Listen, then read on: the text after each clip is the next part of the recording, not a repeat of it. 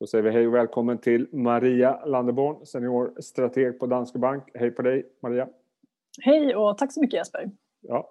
Du, eh, jag tänkte vi skulle prata lite om börsen. Hur låter, låter det som en bra idé? ja, men börsen är ju alltid intressant oavsett ja. om den är på väg upp eller ner, så det verkar väl bra. Nu är börsen ner lite grann idag i Stockholm, men det har ju varit en rivstart får man väl ändå säga på 2021. Bland annat har eh, cykliska bolag eh, mäktat med nästan en årsavkastning på bara några dagar. Vissa coronavinner vi såg förra året, de har tappat lite mark. Eh, dina tankar kring starten? Men det har ju varit en uh, urstark start och sen precis som du säger, vi har haft lite revansch för bolag som kanske inte utvecklades lika väl under 2020. Uh, eh, både man tittar inom industri, energi, material med mera har ju gått bra.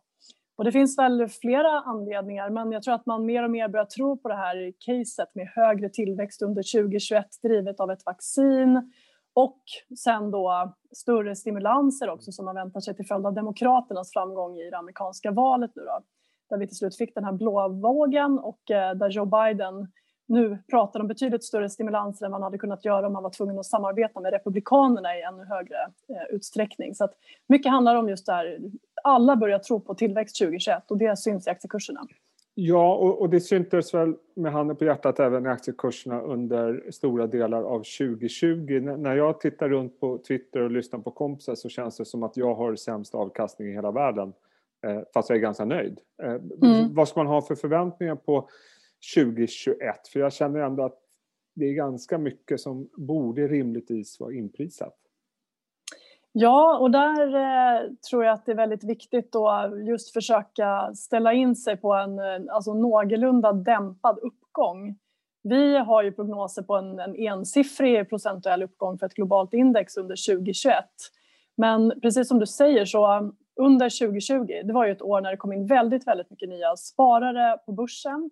Man upptäckte aktier någon gång efter det här branta raset i mars och sen så har det rusat uppåt. Och sen har det funnits extremt starka trender att ta rygg på också. IT-bolag, teknikbolag har gått som tåget, både de amerikanska men vi har också kursrusare på Stockholmsbörsen. Grön energi har ju varit jättefint att vara med i och de här har ju varit snackisar ganska länge. Så det har varit möjligt att komma in och få en, en väldigt fin eh, avkastning på börsen under 2020. Men dels så tror jag att det är inte alls säkert att samma bolag blir vinnare det här året så att det som funkade 2020 behöver inte funka 2021. Och sen så behöver man tänka också på alltså, vad är en rimlig avkastning? Eh, och historiskt har börsen stigit med en 10 procent ungefär i snitt per år. Eh, så man ska inte vänta sig samma tempo i uppgången som vi kanske har vant oss vid det senaste halvåret utan eh, en mer, mer dämpad total uppgång och sen också att man behöver titta på lite andra sektorer än vad man gjorde under fjolåret för att eh, försöka kunna slå det där om man nu eh, önskar vara lite strategisk också. Och, och apropå andra sektorer, någonting som förvånar mig när jag pratar med folk och det här har jag ältat flera gånger med flera förvaltare jag pratar med, det är det här att mm. eh, vi har haft teknik, eh, så kallade coronavinnare förra året. I år så ser vi en, ett skifte mot cyklis, i alla fall under inledningen av året.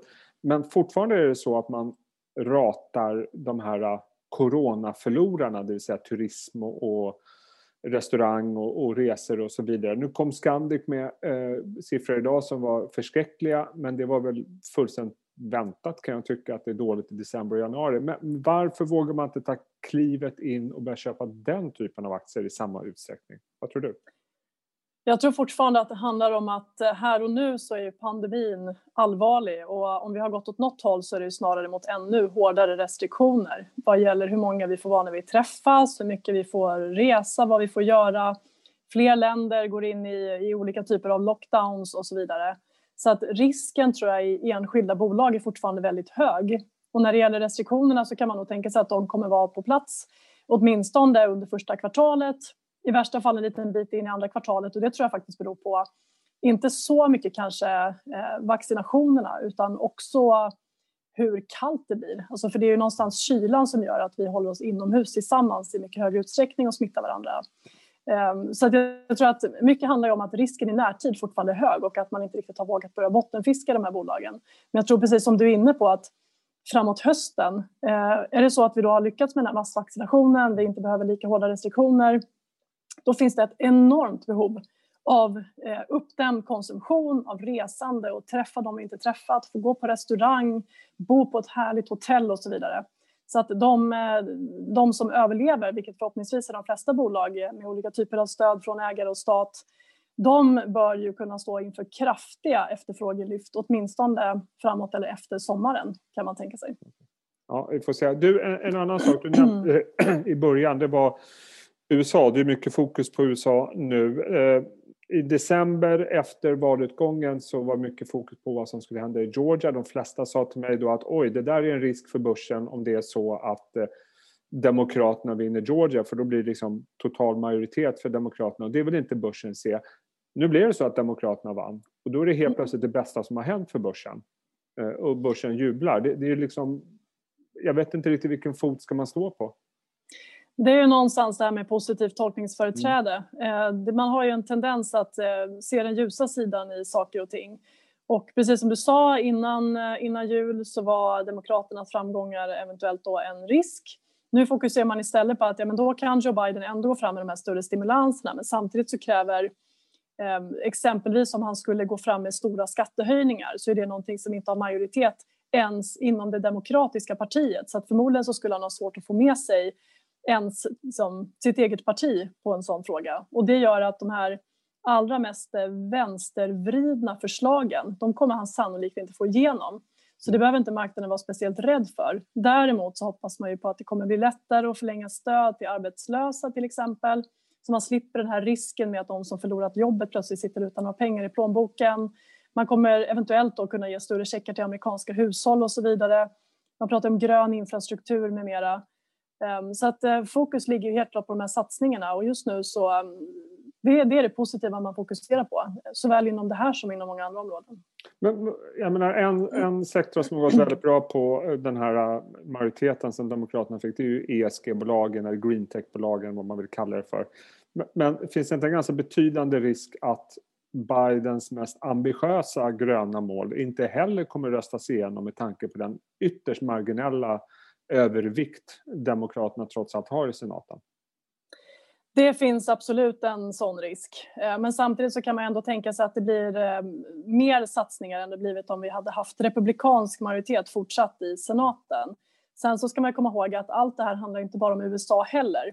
Man tittar på, på Europa där vi har också ett stödpaket eh, som man håller på att utforma detaljerna för visserligen, men på 750 miljarder euro som ska börja betalas ut under året, där också 30 procent är öronmärkt för gröna investeringar. Kina ska bli koldioxidneutralt 2060 och land efter land följer efter med den här typen av mål just vad gäller klimatomställningen. Så att absolut, Joe Bidens eh, investeringar i grön infrastruktur de är viktiga, men de är inte allt, utan det här är en, en, global trend. Så att det finns mer saker än Joe Biden som lyfter de här bolagen. Eh, men sen så kan man också fundera på att det här är ju fortfarande en alltså förhållandevis nischad del av aktiemarknaden och det strömmar in väldigt, väldigt mycket kapital.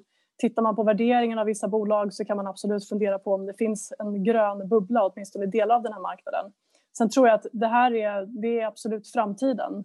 Men det har gått väldigt fort eh, på kort tid och det ska man nog vara medveten om om man börjar sitta och titta på enskilda kursrökare eh, och stoppa in i portföljen kanske ska ha lite realistiska förväntningar även där. Eh, du, jag tänkte på en annan sak som det börjar pratas lite mer om, men kanske för lite, det är räntan. Den långa räntan har ju stigit på olika håll, inte minst i USA, den har stigit ganska rejält. Börsen tycks vara, göra en axelryckning, vi har haft lite sektorrotation visserligen, så kan vara ett svar på det. Hur länge kommer börsen kunna stå emot en räntehöjning? Det är svårt att säga en gräns kanske, men jag är lite förvånad. Jag skulle säga att alltså, än så länge är det fortfarande inget problem. Räntorna är på så låga nivåer så att TINA har ju inte satts ur spel utan det är fortfarande mm. så att det är på aktiemarknaden eller i tillgångslag med högre risk man behöver vara för att få någon avkastning att tala om. Sen har vi ju också sett att eh, Powell och Fed har ju varit ute nu och eh, verkligen försökt lugna den här oron för att stigande inflation ska leda till snabbare åtstramning än man väntat sig. Så att man ser också att centralbankerna då, framförallt den amerikanska, är ju väldigt på tå när det gäller att hålla förväntningarna på eventuella räntehöjningar i schack. Man är tydlig med att det kommer dröja, man vill inte låsa sig till någon viss nivå på inflationen när man kommer börja agera. Utan jag tror marknaden känner ju någonstans att man har det här stödet och att inflationen och i närtid inte är något problem och det kan ju begränsa den här uppgången. Sen är det klart att vid någon tidpunkt så blir stigande räntor ett problem men det finns så många andra saker som spelar roll också. Stiger räntorna på grund av betydligt högre tillväxt och att vi får en, en boom i ekonomin senare under 2021 så är det klart att man kan acceptera högre räntor än man gör om ekonomin eh, haltar men inflationsförväntningarna sticker uppåt. Så att väldigt, väldigt mycket handlar om förutsättningarna för ränteuppgången skulle jag vilja säga. Okay. Och du avslutningsvis eh, Maria, nästa vecka så börjar väl rapporterna trilla in i lite stridare ström. Eh, vad har du för förväntningar på Q4? Är eh, förväntningarna låga generellt tror du eller?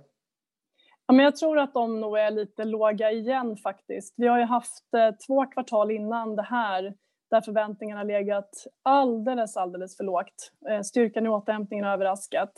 Jag tror att inför det här kvartalet så har vi ju sett ganska rejäla upprevideringar av vinstestimaten så att vi kommer inte ligga så fel. Eh, men fortfarande är det ju så att om man tittar på makrodatan den senaste tiden så är den konsekvent överraskat på uppsidan fortfarande därför att man tänkt sig att ehm, eh, alla restriktioner skulle tyngt mer än vad det har gjort.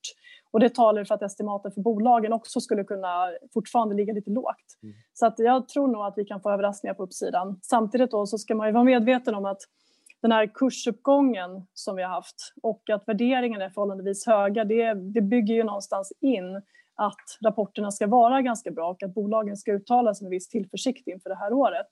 Så det kan nog snarare vara så att man behöver slå estimaten lite fortfarande för att belönas eh, medan då besvikelser säkert skulle kunna straffas. Mm, spännande. Eh, vi har ju haft ett par positiva vinstvarningar inför Q4 men det känns som att det inte är lika många som det var inför Q3. Det är bara min höftgissning utan att ha ja. någon belägg för men den känslan finns där. Eh, men kul blir det hur som helst när Q4 trillar in tycker jag. Och ja. kul är det att prata med dig eh, Tack varje gång. Detsamma. Mm. Eh, Alltid kul att vara med. Ja, kul att ha dig med. Du, eh, eh, tack för det här och ha en riktigt trevlig helg. Tack detsamma. Vi ses och hörs. Ha det bra.